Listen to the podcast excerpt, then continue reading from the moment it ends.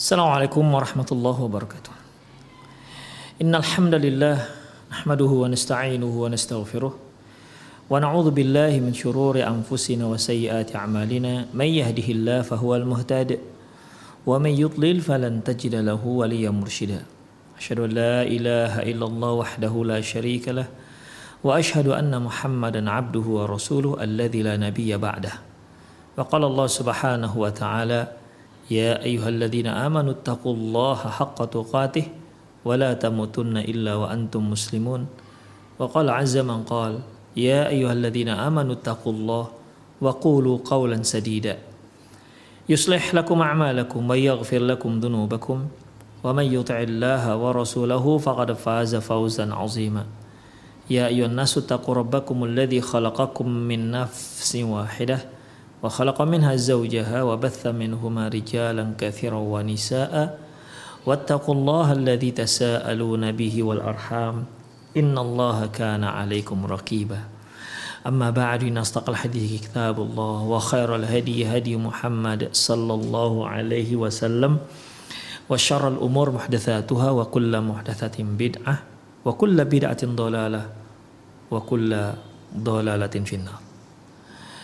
Kaum muslimin dan kaum muslimat di mana pun anda berada Alhamdulillah kembali kita bertemu di kesempatan kali ini di tanggal 9 Hijjah kita masih dalam judul acara yaitu perjalanan setelah kematian yang kita ambil dari kitab Qiyamatus Sughra. Yang lalu telah kita bahas ikhwah uh, tentang nasihat-nasihat kematian yang telah kita ambil dari ucapan-ucapan para ulama dan dalam kitab-kitab beliau, kitab-kitab mereka. Di sini juga disebutkan ikhwah azanallah wa iyyakum ya tentang masih terkait dengan uh, nasihat kematian. Kali ini disebutkan diriwayatkan dari Ali bin Abi Thalib radhiyallahu anhu di mana beliau berkata, "Irtahalatid dunya mudubiratan." Dunia akan pergi dunia akan pergi. Perhatikan ikhwah irtahalati dunia mudbiratan. Dunia akan pergi. Artinya ikhwah pasti pergi. Sampai di sini Ali bin Abi Thalib menyebutkan dalam bentuk madi. Ya, dalam bentuk madi. Dunia pasti pergi. Padahal dunia yang sudah pergi adalah dunia bagi orang-orang yang sudah mati. Dunianya itu sendiri belum pergi. Di saat beliau mengucapkan ucapan ini dan dunia beliau juga belum pergi. Demikian. Tapi beliau menyebutkan irtahalati dunya mudbiratan. Dunia pasti akan pergi. Wartahalatil akhirah muqbilatan. Dan akhirat pasti akan datang. Walikulli wahidatin banun. Masing-masing masing-masing dunia dan akhirat itu ada banun. Banun ini yaitu anak, anak-anaknya. Artinya ada orang itu manusia itu yang merupakan anak-anak dunia dan ada juga di antara mereka yang merupakan anak-anak akhirat. Artinya pengikut-pengikut setia. Ya. Ada pengikut-pengikut setianya. Dunia yang pasti akan pergi itu ada pengikut setianya. Demikian juga akhirat yang pasti akan datang juga ada pengikut-pengikut setianya. Kemudian wala takunu min abna'id dunya. Janganlah kalian menjadi anak-anaknya dunia, pengikut-pengikut setianya dunia. Fa innal yaum, fa innal yauma amalun la hisabah. Hari ini ini sekarang nih zamannya dunia ini. Hari ini adalah hari untuk beramal. Wala hisab, belum ada hisab. Belum ada belum ada yang namanya penghisapan ataupun perhitungan amalan. Karena dia nanti ada di hari akhirat. Ghadan hisabun la amal wala amal dan besok maksudnya di akhirat nanti itu hanya ada hisab. Hanya ada perhitungan amalan. Dan tidak ada lagi tidak ada lagi amalan di sana. Tidak ada lagi yang namanya ibadah, tidak ada lagi yang namanya perbuatan baik ataupun perintah-perintah atau larangan-larangan, tidak ada. Ikhwah rahimanallah wa iyyakum kalau kita lihat apa yang dikatakan Ali bin Abi Thalib ini merupakan satu ucapan yang sangat mengenai. Wah. Ya, karena dua hal ini pasti. Dan tidak ada seorang pun yang mengingkari dua hal yang pasti ini kecuali seperti dia mengingkari terbitnya matahari di siang bolong. Ali bin Abi Thalib radhiyallahu anhu mengatakan, dunia akan pergi, dunia pergi. Dan semua orang mengakui ini. Semua orang mengakui ini. Wartahalatil akhirah muqbilatan dan akhirat pasti akan datang. Dan satu hal ikhwah wa kul walikulli wahidatin banun. Masing-masing baik dunia maupun akhirat masing-masing punya anak. Ada anak-anak dunia dan ada anak-anak akhirat. Ada pengikut-pengikut dunia yang setia dengan dunia.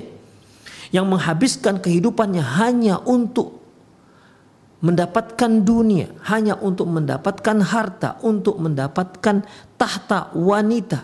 Dia tak peduli dengan hari akhiratnya karena dia statusnya sebagai pengikut setia dunia. Ini yang kata Rasulullah Sallallahu Alaihi Wasallam. Ta'isa abdul dinar, ta'isa abdul dirhan, ta'isa abdul khamis.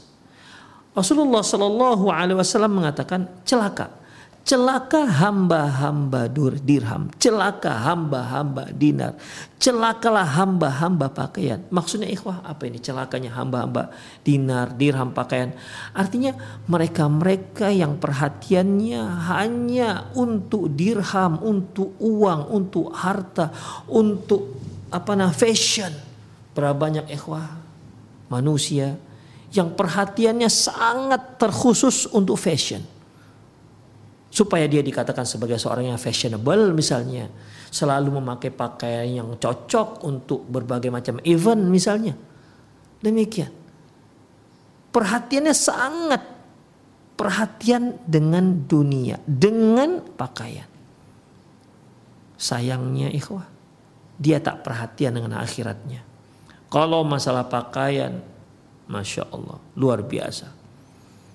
Kalau dia punya uang, apalagi kalau dia memang orang-orang yang orang yang kaya, yang berpunya, orang-orang yang have, ya, maka dia dia akan memakai pakaian-pakaian yang branded, yang bermerek, yang mungkin hanya dengan kaos dalam saja atau kaos saja sepotong kaos baju kaos itu bisa nilai jutaan yang kalau kita beli di pasar tradisional kaos itu harganya paling 35 ribu. Tapi tidak dengan merek itu. Tapi sama-sama baju kaos. Ini orang-orang yang sudah diperhamba oleh khamis diperhamba oleh pakai. Demikian ikhwah. Ini yang Allah Subhanahu wa taala katakan. Yang Rasulullah sallallahu alaihi wasallam katakan celaka. Ya celaka. Kalau sudah seorang itu Ta'isa kata beliau, ta'isa abdul dinar, ta'isa abdul dirham, ta'isa abdul khamisah. In a'ta radiyah. Apabila in u'tiya radiyah, apabila dia diberi dia ridho. Jadi keridoannya itu hanya terkait dengan masalah dunia. Kalau ada orang yang memberi dia, ada orang yang menyanjung dia, ada orang yang mengululukan dia, maka dia perido dengan orang tersebut. Hanya semuanya, semuanya masalah dunia. Ridhonya dia, kemarahan dia. Ya. Wa in lam yu'ti, wa in lam yu'ta, sakit. Kalau nggak diberi, dia marah. Jadi marahnya dia, ridhonya dia, gembiranya dia, senangnya itu semua hanya terkait dengan dunia. Naudzubillah min Padahal Islam tidak menyuruh kita seperti tidak menyuruh kita seperti itu. Islam menyuruh umatnya agar semuanya karena Allah Subhanahu wa man ahabba lillah wa abagha lillah wa mana'a lillah wa a'ta lillah faqad istakmal iman kata Allah kata Rasulullah Barang siapa yang marah-marah karena Allah, marah karena Allah, bukan marah dikarenakan ada sumber dunia dia yang tak diberikan oleh orang. Atau mungkin sebenarnya orang tersebut tidaklah wajib memberikan dia, tapi karena dia tak diberi, maka dia dia pun marah. Marah karena dunia, bukan karena Allah Subhanahu wa taala. Yang biasanya temannya kalau mau kerja selalu nyamperin dia, diajak boncengan atau diajak ayo nah, pergi kerja dengan saya. Suatu hari atau kemudian ternyata temannya ini tak lagi datang menjemput dia. Padahal bukan kewajiban teman tersebut. Yang tadinya dia sangat ridho dengan temannya karena setiap hari jemput dia. Kali ini dia marah dengan temannya karena tak pernah lagi dijemput. Padahal itu bukan kewajiban dia. Kebencian dan kecintaan karena karena dunia. Barang siapa yang mencintai karena Allah, membenci karena Allah. Benci karena Allah, bukan benci karena dia tak mendapatkan masalah dunia dia Kenapa dia benci? Benci karena dia tak diangkat jadi pemimpin. Kenapa dia benci? Benci karena apa? Kerjaan dia tidak dapat puji, dipuji oleh orang lain. Tidak dipuji oleh orang. Tidak diapresiasi oleh orang. Benci dia ikhwah. Ini benci karena dunia. Wa atalillah wa mana alillah. Memberi karena Allah, tak memberi karena Allah. Faqad istakmal iman. Orang yang seperti ini adalah orang yang sempurna keimanannya. Jadi wajar kalau Rasulullah SAW ta'isa abdul dinar, ta'isa abdul dirham, ta'isa abdul khamisah. In in u'tiya radiyah wa illam yu'tah. Kalau nggak diberi sakit. Inilah ikhwah rahimahullah wa iyyakum. Ya, yang disebut dengan wali kulli wahidatin banun. Masing-masing baik dunia maupun akhirat ada pengikut-pengikut setianya di mana segala sesuatu dinilai dengan dengan dunianya kalau dia adalah seorang yang yang pengikut-pengikut setia. Kemudian kata Ali, kata Ali bin Abi Thalib, wa kunu wa la takunu min abna'id dunya. Jangan kalian menjadi seorang pengikut dunia. Seorang pengikut dunia itu ikhwah, hidupnya tak akan tenang. Tidak akan tenang. Akan muncul hasad, akan muncul kebencian yang tidak beralasan Demikian ikhwah. Akan selalu berburu sangka.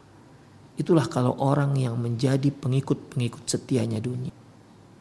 Fa innal yawma amalun wala hisab. Hari ini kata Ali bin Abi Thalib hanya ada beramal, beramal, beramal, beramal dan terus beramal. Belum ada hisab.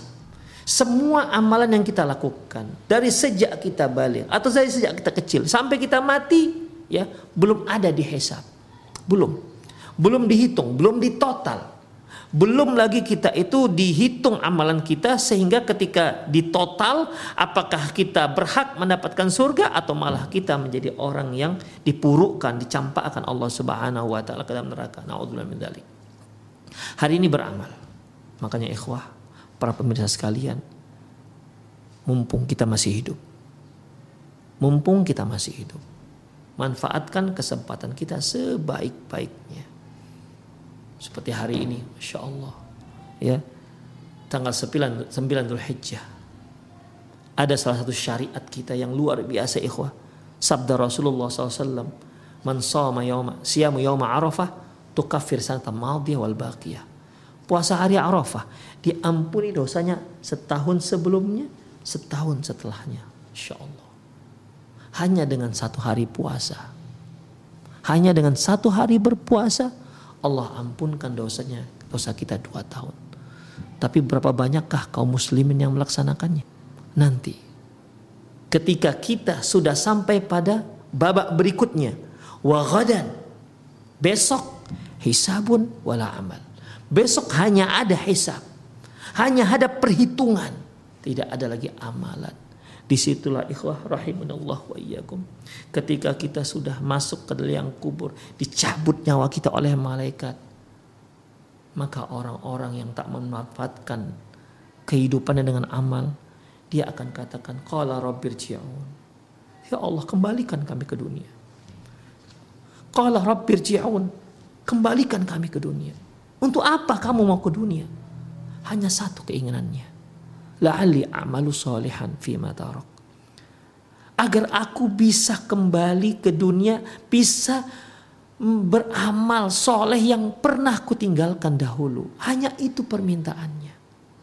Hanya itu. Dia dikembalikan ke dunia sama sekali tidak menginginkan harta benda. Bahkan kalau seandainya Allah kembalikan, Allah iakan atau Allah kabulkan permintaannya Kemudian di saat itu dia akan diberikan oleh Allah dunia dan seisinya. Dia tak akan menerima keinginannya hanya satu yaitu la'alli amalu solihan fi tarak. Agar aku bisa beramal soleh. Beramal soleh yang pernah aku tinggalkan. yang pernah aku sia-sia. Tapi kata Allah kalla, nama sesungguhnya itu hanyalah ucapan mereka saja. Tidak, tidak akan ada orang yang sudah meninggal tidak akan dikembalikan ke dunia. Ikhwah pemirsa sekalian, sekarang waktunya kita beramal. Beramal, beramal, beramal. Belum ada hisab. Ghadan besok hanya ada hisab. Tidak ada amalan. Tidak ada amalan ikhwah. Di saat malaikat maut mencabut nyawa kita, terputus seluruh amalan kita. Kita tidak bisa lagi menambah amalan kita. Kecuali amalan-amalan yang memang termasuk dalam dalam seperti sedekah jariah atau ilmu yang bermanfaat atau doa kaum muslimin terutama doa anak kandung. Selebihnya tidak bisa ikhwah. Amalan ini sudah tergantung pada pada orang. Iya kalau anak-anak kita mendoakan kita, kalau tidak. Iya anak kita teringat dengan kita. Kalau mereka sudah lupakan kita, ikhwah.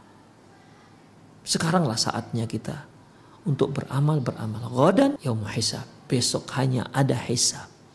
Hanya ada hisab. Bila amal, tidak ada lagi amal. Ini disebutkan dalam kitab Al-Mishkatul Masabih. Kemudian wa min idhatil ulama ma jaa fi tadhkirati Al-Qurtubi. Di antara pesan-pesan para ulama tentang kematian disebutkan dalam kitab Tadhkirah tulisan Imam Al-Qurtubi apa yang disebutkan di sana? Tahfakkur ya maghrur fil mauti wa. Wahai orang yang tertipu, berpikir tentang kematian dan sakrat dan tentang sekaratnya. Berpikirlah kalian tentang sekarat dan kematian. Ya yul maghrur. Maghrur ini ikhwah. Maghrur artinya orang yang tertipu. Tertipu dengan apa? Tertipu dengan dunia. Sebagaimana firman Allah Subhanahu wa taala, "Wa mal hayatud dunya illa mata'ul ghurur." Kehidupan dunia itu hanya perhiasan yang menipu yang sebenarnya tidak ada harganya sama sekali jika kita bandingkan dengan hari akhirat. Mereka yang kaya raya, miliarder, di mana uang dan asetnya bisa ribuan triliun dolar.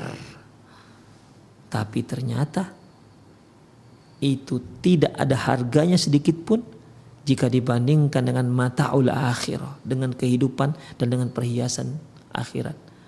Coba bayangkan ikhwah, sungguh selendangnya bidadari di di surga itu lebih berharga ketimbang dunia dan seisinya. Itu selendangnya. Makanya ini merupakan kehidupan dunia itu maghrur ikhwah. Kenapa dikatakan maghrur? Orang-orang dikatakan maghrur mereka yang hanya prinsip hidupnya untuk dunia ini adalah orang-orang yang maghrur, tertipu dengan dunianya. Tidak semua orang kaya itu maghrur, ikhwah. Tidak semua orang-orang yang berpunya itu tertipu, enggak. Ada orang-orang kaya, tapi dia nggak tertipu. Kenapa? Karena prinsipnya tidak hanya dunia. Prinsipnya adalah dia banyakkan dunia untuk mendapatkan akhirat. Pernah satu kajian, ikhwah, kejadian di mana orang-orang fukara ansor, ya para fukara ansor datang kepada Rasulullah SAW mengadu, mengadu mereka iri dengan orang kaya Apakah iri dengan kekayaannya? Enggak. Tapi iri dengan amalan mereka. Apa kata orang-orang fakir Ansor? Fukor Ansor datang kepada Rasulullah SAW mengadu, "Ya Rasulullah, dhahaba ahlud dusur bin bin al muqim wa ya Rasulullah sungguh orang-orang kaya orang-orang yang berpunya mereka telah pergi membawa banyak pahala dengan derajat yang tinggi dengan nikmat yang luar biasa. Fakal Rasulullah berkata, "Famadak loh, kok bisa begitu?" Apa kata orang-orang fakir Ansor ini? Yusalluna kama nusalli. Mereka salat sebagaimana kami salat. Wa yasumuna kama nasum. Mereka berpuasa seperti kami puasa. Mereka bisa bersedekah, kami tidak bisa, kami orang fakir. Bahkan kebutuhan kami aja kurang. Tidak terpenuhi. La Mereka bisa memerdekakan hamba, kami nggak bisa. Itu yang membuat mereka apa ya? Iri. Bukan karena mereka melimpah hartanya, mereka bisa berfoya-foya, bukan berarti mereka bisa beli apa yang mereka inginkan, mereka bisa senang-senang dengan hartanya. Bukan itu yang diinginkan. Yang di, membuat orang-orang berakal pada waktu itu iri dengan orang kaya. Bukan. Tapi ada satu hal, mereka bisa beramal satu amalan yang gak bisa mereka amalkan. Hanya itu ikhwah. Ini orang-orang kaya bukan orang-orang kaya yang magrur. Bukan orang-orang kaya yang tertipu dengan dunia dia Bukan. Buktinya dia bisa melomba orang-orang fakir yang, yang taat beribadah. Orang kaya yang taat beribadah. Kekayaan dia itu dia manfaatkan untuk mendapatkan akhiratnya. Kemudian Rasulullah SAW mengatakan, Afala turidu wa'allimukum syai'an. Maukah kalian? Aku ajarkan satu hal. Ma tudrikuna ma tudrikuna mayyasbiqakum maukah kalian aku ajarkan? Afala uallimukum syai'an? Tudrikuna ma sabaqakum? Maukah kalian aku ajarkan satu hal? Di mana kalian bisa menandingi orang yang telah mendahului kalian? Watasbaquna watusbiquna man ba'dakum? Dan melomba orang yang telah melomba kalian? Kemudian fama yakunu ahadun afdalu minkum illa ma sana'tum. Illa idza idza sana'a idza illa idza fa'ala ma sana'tum. Dan kalian adalah orang yang paling afdol di muka bumi. Kecuali kalau mereka juga beramal seperti apa yang kalian amalkan. Masya Allah.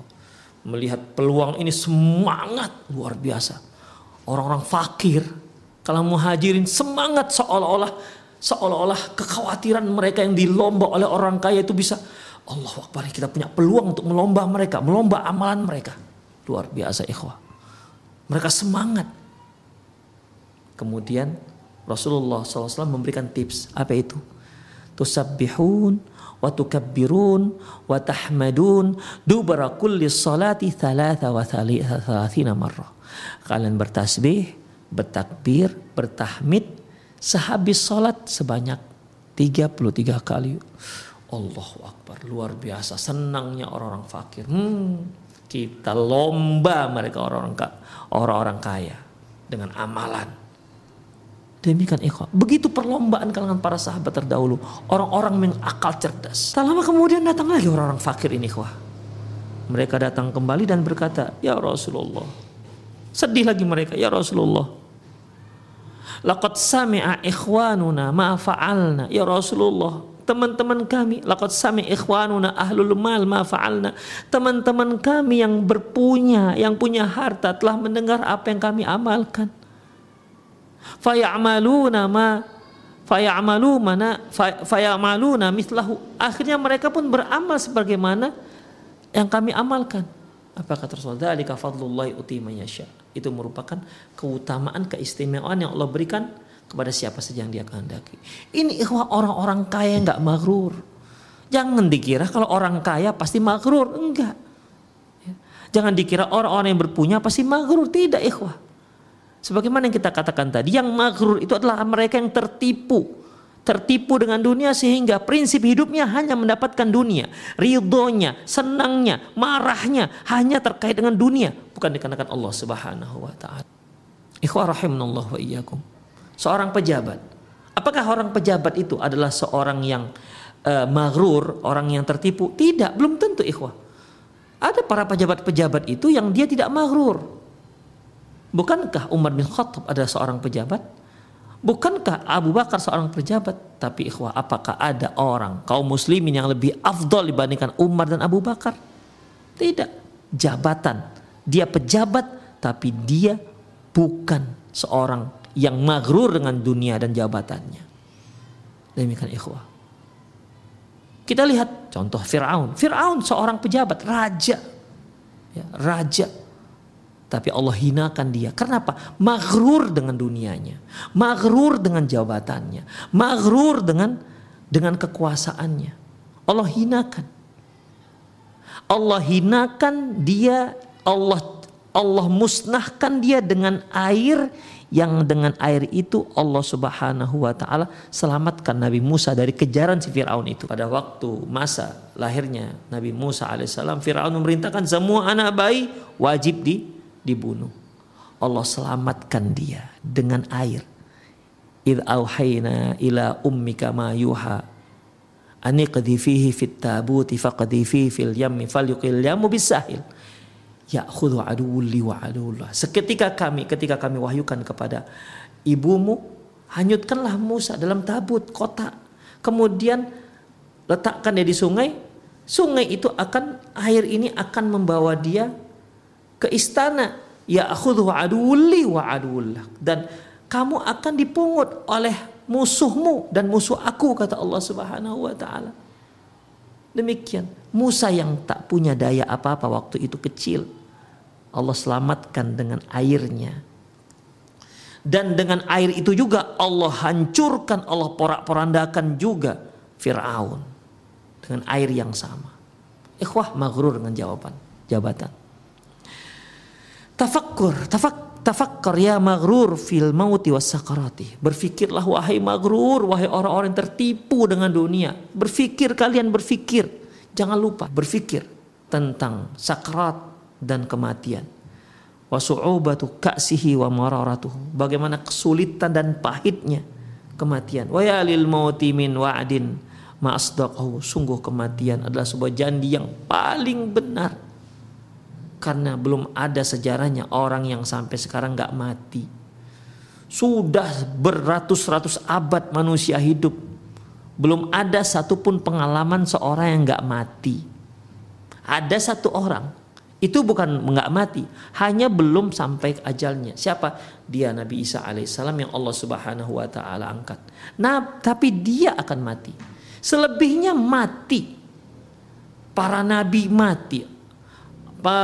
Rasul mati, orang-orang dicintai oleh Allah mati. Orang kaya mati, pejabat mati, orang kafir mati, tidak ada tanpa terkecuali. Makanya kemarin kan kita sebutkan ayat Az-Zumar ayat 30 innaka mayitun wa innahum lamayitun Muhammad kamu akan mati. Mereka juga akan mati. Tidak ada seorang pun sepanjang sejarah dunia dunia terbentang sepanjang sejarah dunia terbentang yang tidak mati. Mati wa ya lil mauti min wa'din ma astaqau sungguh wahai kematian satu janji yang tidak akan pernah meleset wa min hakimin ma'adalah Sungguh hakim kematian adalah hakim yang sangat adil. Kafa bil mauti mufzi'an lil qulub. Sungguh cukuplah kematian itu membuat menggentarkan hati, membuat hati takut.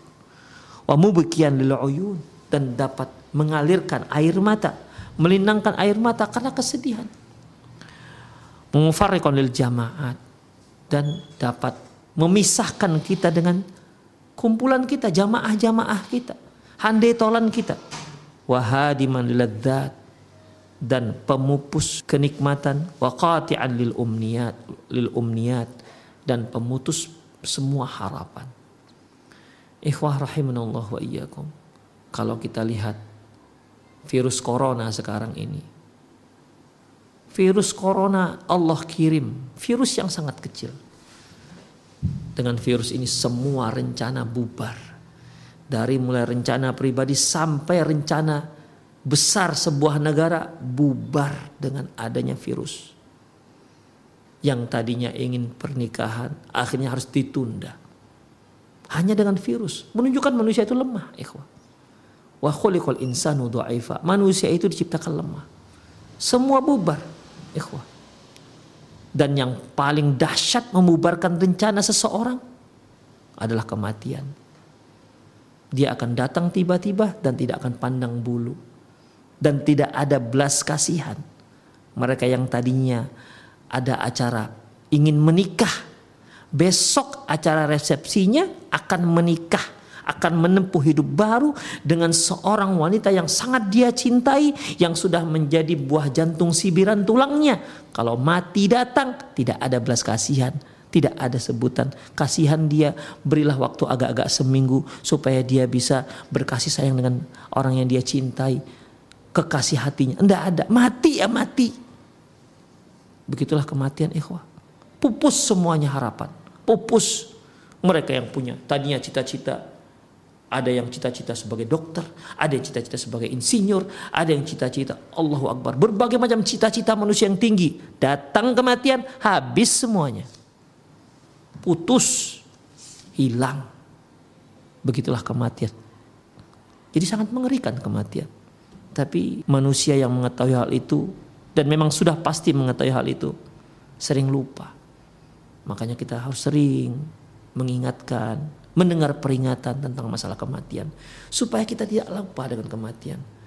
Apalagi sekarang ini sangkin seringnya kita mendengar kematian, kematian, kematian seolah-olah sudah biasa. Yang jadi masalah sebenarnya bukan mati karena coronanya, tanggung jawab dia setelah mati itu gimana? Apa yang akan dia bawa menghadap Allah Subhanahu wa taala? Itu yang terpenting. Kalau masalah mati, orang itu akan mati, mau kena corona, mau nggak kena corona, mau apa saja, nggak kena apa-apa pun dia pun bisa mati. Yang terpenting adalah persiapan kita mau mati itu gimana. Mati orang kena corona. Sungguh setelah kematian itu itu suatu alam yang sangat menakutkan, lebih menakutkan ketimbang corona itu. Seorang kena corona mungkin sakit dua bulan, tiga bulan, atau ada yang sebentar se, e, seminggu dia mati. Tapi masalah setelah dia mati itu luar biasa, ikhwah. Ya. Jadi jangan sampai kita hanya mempersiapkan diri, jangan sampai kita kena corona.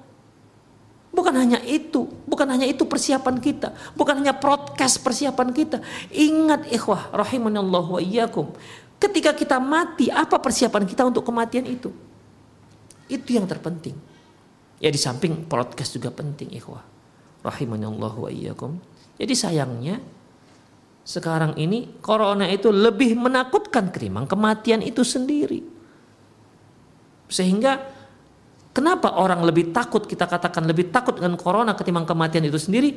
Dia lebih ketat di protokol kesehatannya ketimbang persiapan dia untuk kematian. Kalau dia terkena corona, paling banter sak napas, kemudian berhenti napasnya mati. Setelah itu, apakah ada persiapannya? Itu tanda orang apa ikhwah? Hanya takut dengan corona, tidak takut dengan kematiannya. Sekali, sekali lagi bah, Padahal kematian itu lebih dahsyat ketimbang corona itu sendiri. Jauh lebih dahsyat. Orang yang terkena corona dia akan sembuh. Ada yang banyak yang sembuh. Tapi orang yang mati ada yang sembuh dari kematiannya. Tak pernah ada sejarah orang yang mati sembuh dari kematiannya. Alias dia kembali ke dunia. Tidak pernah ada sejarah. Ikhwah rahimanallahu iyyakum. Dalam kitab tadhkirah juga Imam Al-Qurtubi menyebutkan, "Fa'aina alladhi jama'tahu minal mal?" Mana harta yang kamu kumpul-kumpulkan? Fa'al fahal angkadaka min ahwal minal ahwal? Apakah harta yang kamu kumpulkan itu bisa menghalangimu dari dahsyatnya dan mengerikannya kematian? Gak bisa. Kalau seandainya harta bisa menyelamatkan kita dari dahsyatnya kematian, tentu korun orang yang paling yang lebih dahulu selamat dari kematian.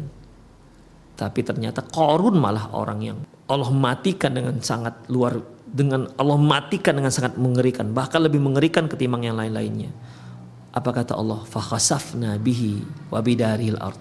Kami tenggelamkan dia dan hartanya. Bayangkan ikhwah. Kami tenggelamkan si korun dianya dan hartanya. Begitulah perlakuan Allah Subhanahu wa taala harta tidak bisa menghalangi kita dari dahsyatnya dan ngerinya kematian tersebut. Kalla bal tahu liman la yahmiduk.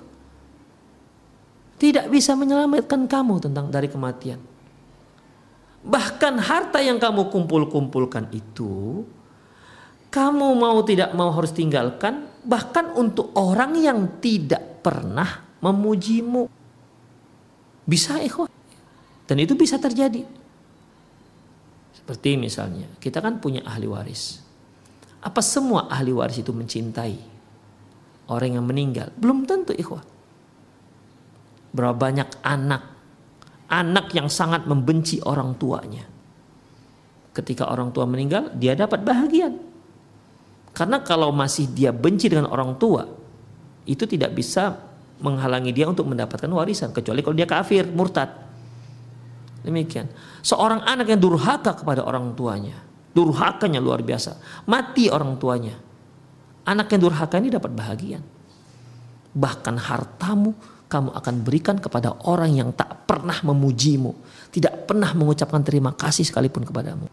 Wa qaddama bi auzarik ala man la ya'dhiruk. Bahkan mereka nanti tidak akan pernah memaafkan dosamu.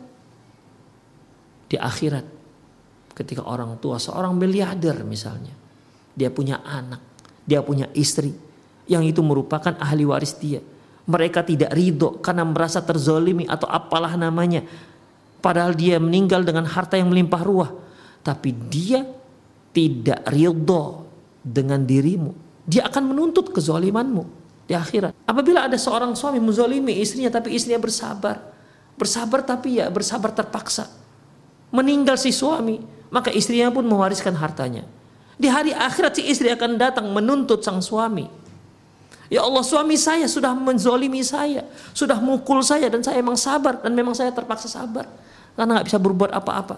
Nggak bisa sang suami mengatakan, dek kan kan abang sudah tinggalkan banyak harta warisan, nggak laku ikhwan. Karena ketika seorang manusia dicabut nyawanya, seketika itu juga harta miliknya beralih ke hak milik waris pewaris. Tidak ada sama sekali. Harta milik kita yang sudah mati, bagi yang sudah mati, hartanya hanya kain kafan. Habis tiga lapis. Hanya itu. Tidak ada yang lain. Selebihnya dibagi-bagikan kepada ahli waris. Harta, eh, mobil yang mewah, rumah yang mewah diberikan kepada ahli waris tanpa terkecuali. Selama dia mewarisi mau dia sayang dengan kita atau tidak mau dia nggak sayang mau nggak ada cerita kategori itu semua mendapatkan. Demikian ikhwah bahkan mereka akan menuntut sudah dapat harta warisan dari kita dia akan juga akan menuntut kita kalau kita pernah menzolimi dia. Begitu. Begitulah ikhwah rahimanallah wa Kemudian ikhwah azillahu wa iyyakum wa naqal al-Qurtubi rahimahullah an Yazid al-Riqashi. Imam Qurtubi rahimahullah juga menyebutkan nasihat Yazid al-Riqashi tentang kematian juga.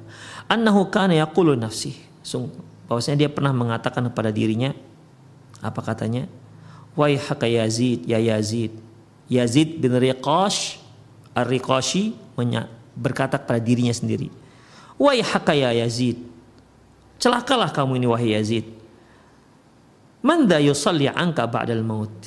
Kalau kamu sudah mati, siapa yang mau siapa yang mau ber, melaksanakan ibadah sholat kemudian diperuntukkan untukmu? Gak akan ada. Karena memang tidak ada sholat diperuntukkan untuk orang lain. Waman yasumu angka ba'dal maut. Setelah kamu mati nanti, siapa yang akan berpuasa untukmu? Man yardo angka rabbuk. Man man yardo angka rabbak ba'dal maut. Apakah ada orang yang membuat Allah ridho kepadamu? Apakah ada orang yang bisa membuat agar Allah ridho kepadamu setelah kamu mati? Enggak ada. Demikian ikhwah. Summa yaqul kemudian dia katakan lagi, Ya ayuhan nas, ala tabakuna wa tanuhuna ala anfusikum baki hayatikum wahai manusia tidakkah kalian menangis dan meratapi diri kalian sendiri di sisa usia kalian. Minal qabri talibuh. Sungguh kuburan terus mengintai. Kuburan terus mengintai. Kematian terus mengintai ikhwah. Kita nggak tahu. Bahkan sering saya ulang-ulang. Bahkan semua kita yang mendengar. Mendengar kajian ini.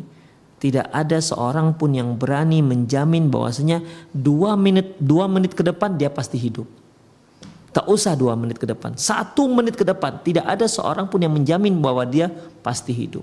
Gak ada yang berani. Kemudian ikhwah, wal qabru baituh. Kuburan adalah rumahnya. Watturabu firasyu. Tanah tanah itu menjadi menjadi tempat tidurnya. Wadudu anisuh dan cacing akan menjadi temannya. Wahwa ma'ahada yantadhirul fazl akbar dalam kondisi seperti itu dia pun sedang ketakutan sambil menunggu hari kiamat. Kaifa yakunu halu? Bagaimana kondisinya pada saat itu? Seperti itu. Bagaimana kondisi manusia pada saat itu? Seperti itu. Ikhwah rahimanallah wa iyyakum. Kemudian terakhir wa min sahabi al-jalil Abi Darda di antara nasihat sahabat tentang kematian yaitu sahabat yang mulia Abu Darda kaulu dia berkata ada hakani thalathun wa abkani thalathun ada tiga hal yang membuat aku tertawa dan juga tiga hal yang membuat aku menangis. Ada hakani muammilud dunya wal mautu yatlubuh. Yang membuatku tertawa pertama mereka mereka penuntut penuntut dunia. Padahal kematian menuntut dia. Mereka yang bercita-cita besar terhadap dunia padahal kematian itu mengintainya. Begitulah dunia ikhwah.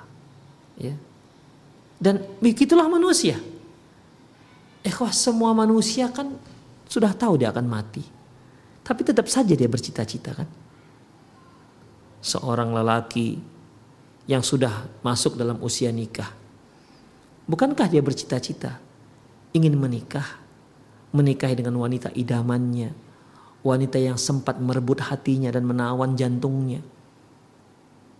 Bukankah itu sebuah cita-cita bagi dia? Ya, cita-cita. Tahu nggak dia bahwasanya kematian ada senantiasa mengintainya? Tahu. Tapi ikhwah, itulah suatu hal yang membuat tertawanya Abu Darda. Dia bercita-cita tapi dia tahu kematian itu senantiasa mengintainya yang jika dia kedatangan kematian hilang cita-citanya. Bahkan wanita yang sudah mencintai dia, artinya dia ingin menikahi seorang wanita bukan dengan wanita yang yang, yang sudah dia cintai, bukan dia bertepuk sebelah tangan, tapi dia juga berbalas cinta dari wanita tersebut. Itu cita-cita dia agar bersama bergandengan tangan menuju Allah dengan kepe, kepelaminan agar mendapat ridho Allah Subhanahu wa taala. Cita-cita ini bisa bubar dengan datangnya kematian, habis. Seorang yang bercita-cita mungkin dia bercita-cita sebagai seorang spesialis ini misalnya dokter spesialis jantung, spesialis bedah, saraf, spesialis bedah, apalah namanya, ya. Itu kan cita-cita untuk sekian tahun. Dia tahu bahwasanya dia akan mati. Kalau datang mati hilang cita-citanya habis. Tidak ada seorang pun yang berharap lagi dia mendapatkan cita-citanya. Apalagi dia. Kemudian, ghafilun laisa lahu maghful anhu. Sementara dia lalai, ya, seorang yang lalai dengan kematian. Sementara kematian itu tak pernah lalai dengan dia. Ya.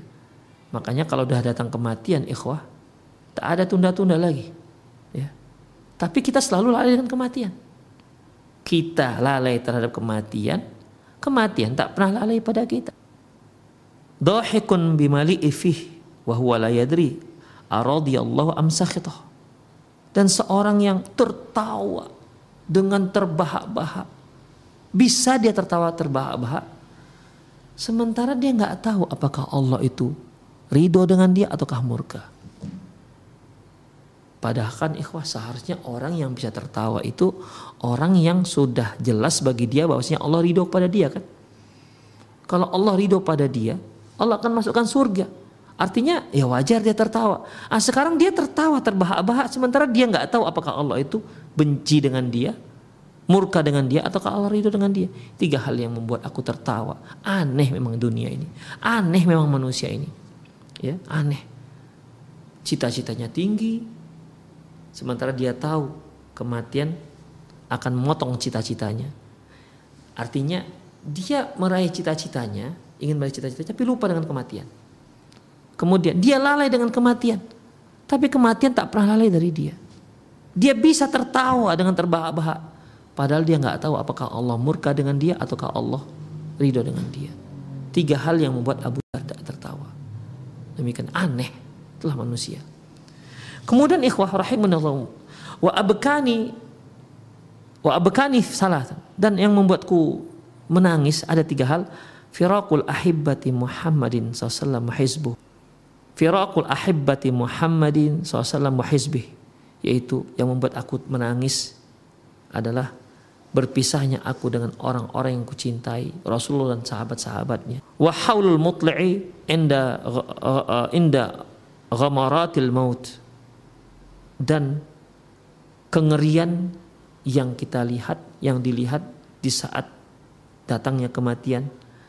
Wal wuqufu baina yadillah dan berdiri di hadapan Allah yauma tabdu was-sariratul alaniyah di mana pada hari itu Allah akan Allah akan menampakkan semua rahasia-rahasia.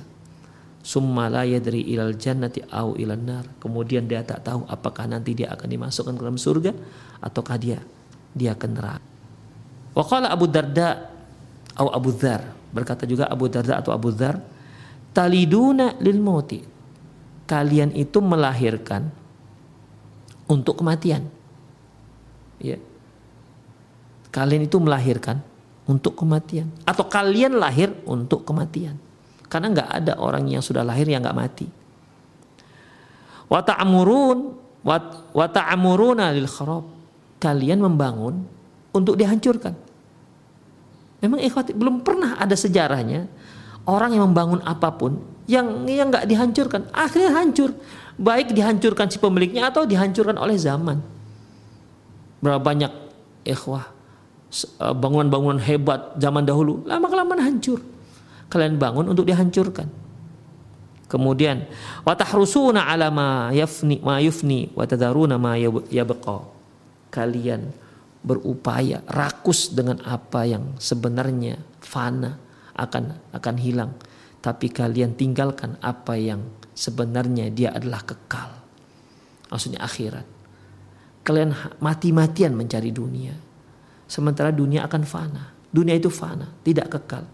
Sementara yang kekal kalian lalaikan. Kalian tidak pernah mencarinya. Kalian tinggalkan yang namanya sesuatu yang sifatnya kekal. Itulah ikhwah rahimani Allah wa iyyakum.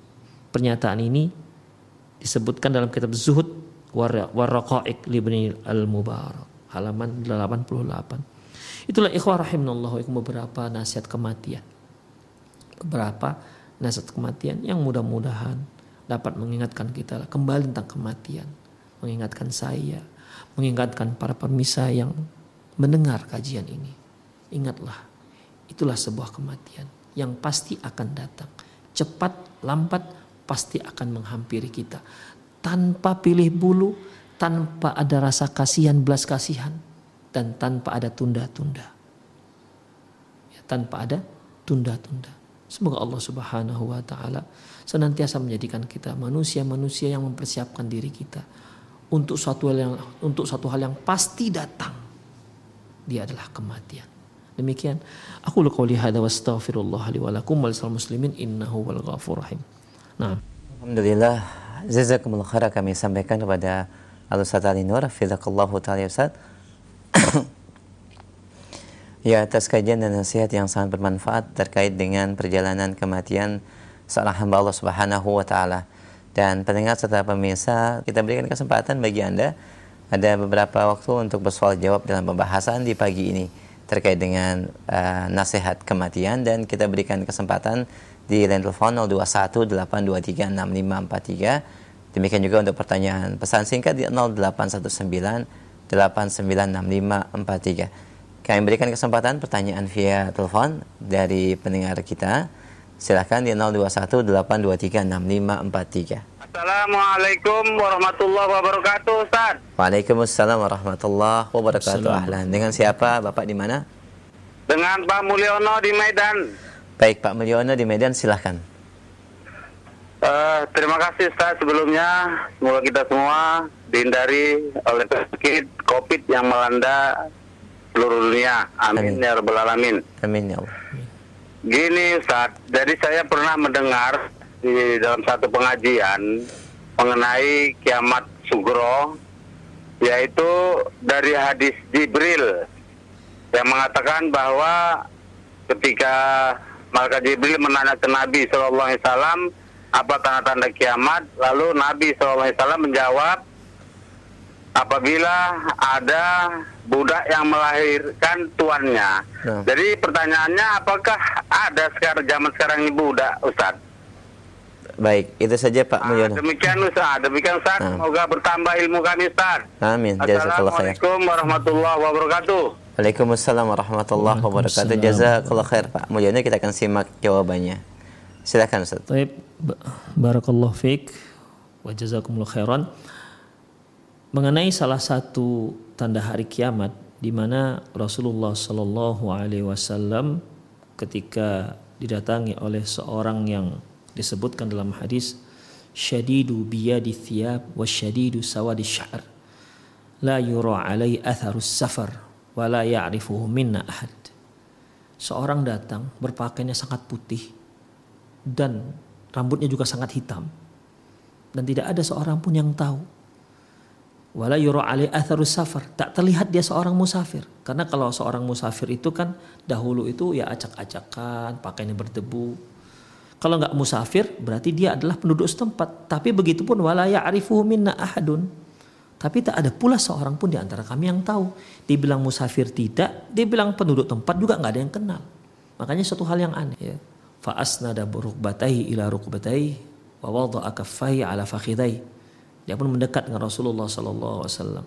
Dia bertanya tentang Islam, bertanya tentang iman, bertanya tentang ihsan dan terakhir yang dia tanyakan Ya Muhammad akhbirni anis sa'ah Ya Muhammad beritahukan aku tentang hari kiamat.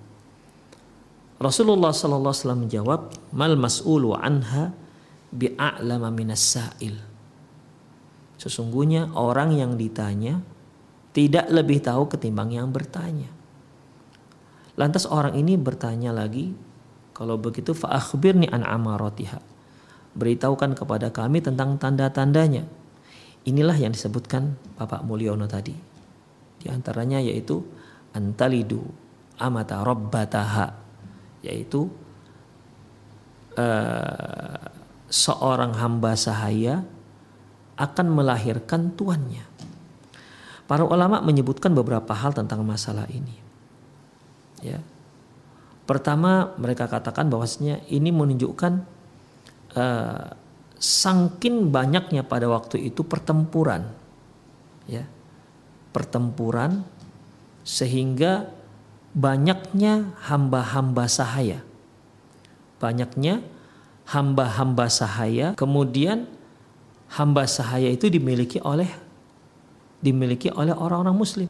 Apabila seorang yang merdeka menikah, uh, mengawini atau lakukan hubungan intim dengan hamba sahaya, maka anaknya bukan hamba. Ya, anaknya ikut ayahnya yang merdeka. Misalnya seorang yang misalnya kita ambil saja misalnya uh, Yazid misalnya.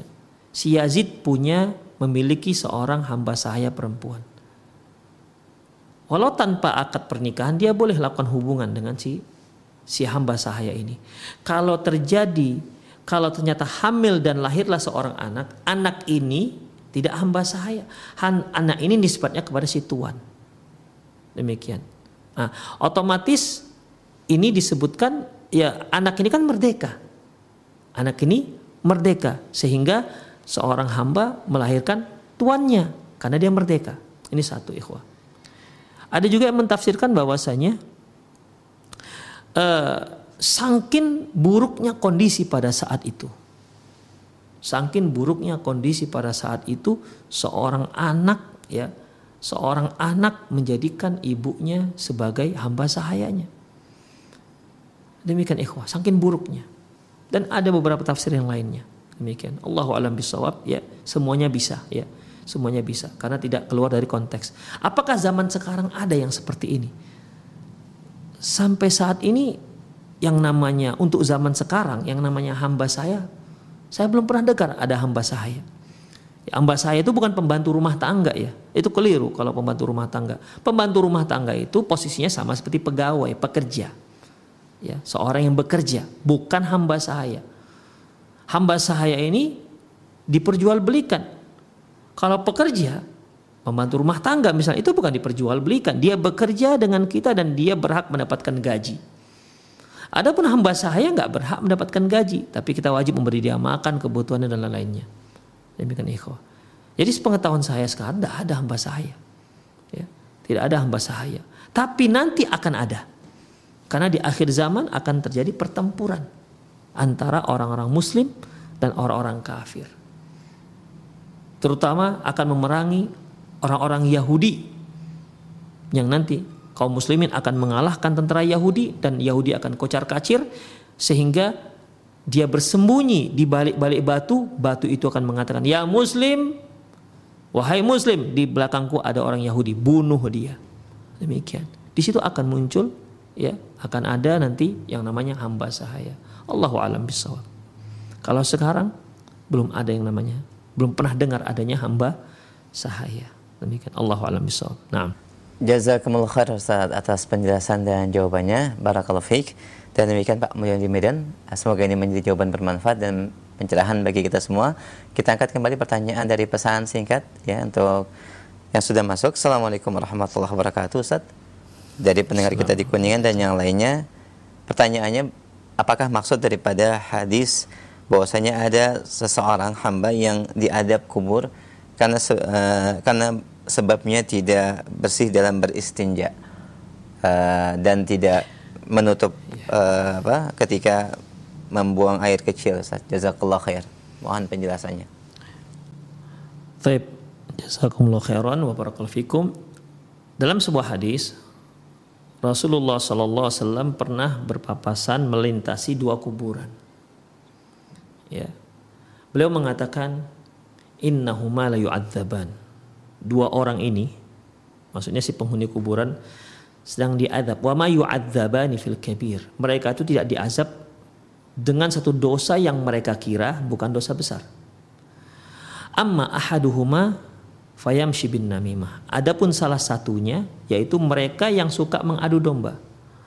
Wa amma wa ammal akhar la yastatiru minal baul. Adapun yang satu lagi itu tidak istitar.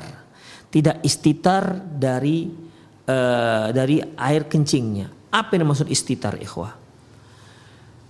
Para ulama mengartikan istitar di sini ada dua. Ada uh, satu dalam satu lafaz sebutkan la yastatiru, lafaz yang lain la yastanzihu, ada dua.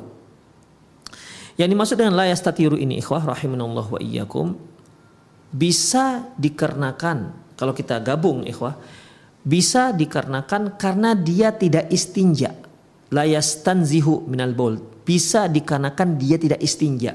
Jadi setelah dia buang air kecil, dia tidak tidak cebok. Ya. Kemudian juga bisa diartikan lah yaitu layas tatiru minal baul. Artinya dia tidak berhati-hati ketika dia buang air kecil. Sehingga air kecilnya itu mengenai pakaiannya. Jadi sembarangan dia buang air kecil. Ya. Air kecil itu memercik-mercik ke bajunya dia aman saja dianggap aman. Bisa juga artinya la yastatiru minal baul yaitu dia tidak istitar artinya tidak menutup auratnya ketika buang air kecil. Jadi ada tiga ada tiga makna di sini dan semuanya bisa ya. Ini khilaf namanya khilaf tanawu bisa. Semuanya bisa termasuk karena memang lafaz hadis ini ada beberapa lafaz disebutkan la la yas la yastanzihu minal baul la yastatir minal baul ya ada lagi yaitu mereka tidak apa namanya la yastanji la yastanji tidak istinja. Demikian ikhwah. Jadi ada tiga. Allah alam bisawab ya ke, ke ketiga-tiganya makna ini ya saling mendukung. Artinya ya apa namanya ketika kita buang air kecil hendaklah kita cari tempat yang tertutup. Kemudian jangan sembarangan buang air kecil ya di tempat sembarangan sehingga air uh, air seninya itu memicrat memuncrat ke ke pakaian kita dan kita abaikan saja seharusnya kita seharusnya kita apa namanya kita kita basuh dan juga yang ketiga yaitu ketika kita setelah buang air kecil maka seharusnya kita istinja ya seharusnya kita istinja. Demikian Allahu alam bisawab. Demikian para pemerhati Roja TV dan pendengar radio Roja di mana-mana Anda berada, semoga kajian kita tadi bermanfaat dan dapat mengingatkan kita kembali tentang kematian. Fadzakir fa inna faul mu'minin. Allah mengatakan ingatkan. Ingatkan. Hari-hari kita mendengar kematian, hari-hari mendengar kematian. Tapi jangan sampai kematian itu menjadi satu hal yang biasa, sehingga tidak menjadikan itu sebagai peringatan bagi kita. Padahal kita akan menempati posisi orang tersebut. Hari ini kita mendengar seorang meninggal dunia. Suatu hari kita akan menempati posisi itu. Suatu hari kita yang akan diumumkan oleh orang lain akan kematian kita dan itu pasti adanya. Semoga Allah Subhanahu wa taala memberikan kita husnul khatimah. Semoga Allah Subhanahu wa taala memberi kita inayahnya, pertolongannya agar kita bisa senantiasa mengingat kematian dan tentunya mempersiapkan kematian itu dengan sebaik-baiknya. Demikian aku lu qauli hadza wastaghfirullah li wa lakum muslimin innahu wal ghafur rahim. Lebih kurang mohon maaf. Assalamualaikum warahmatullahi wabarakatuh.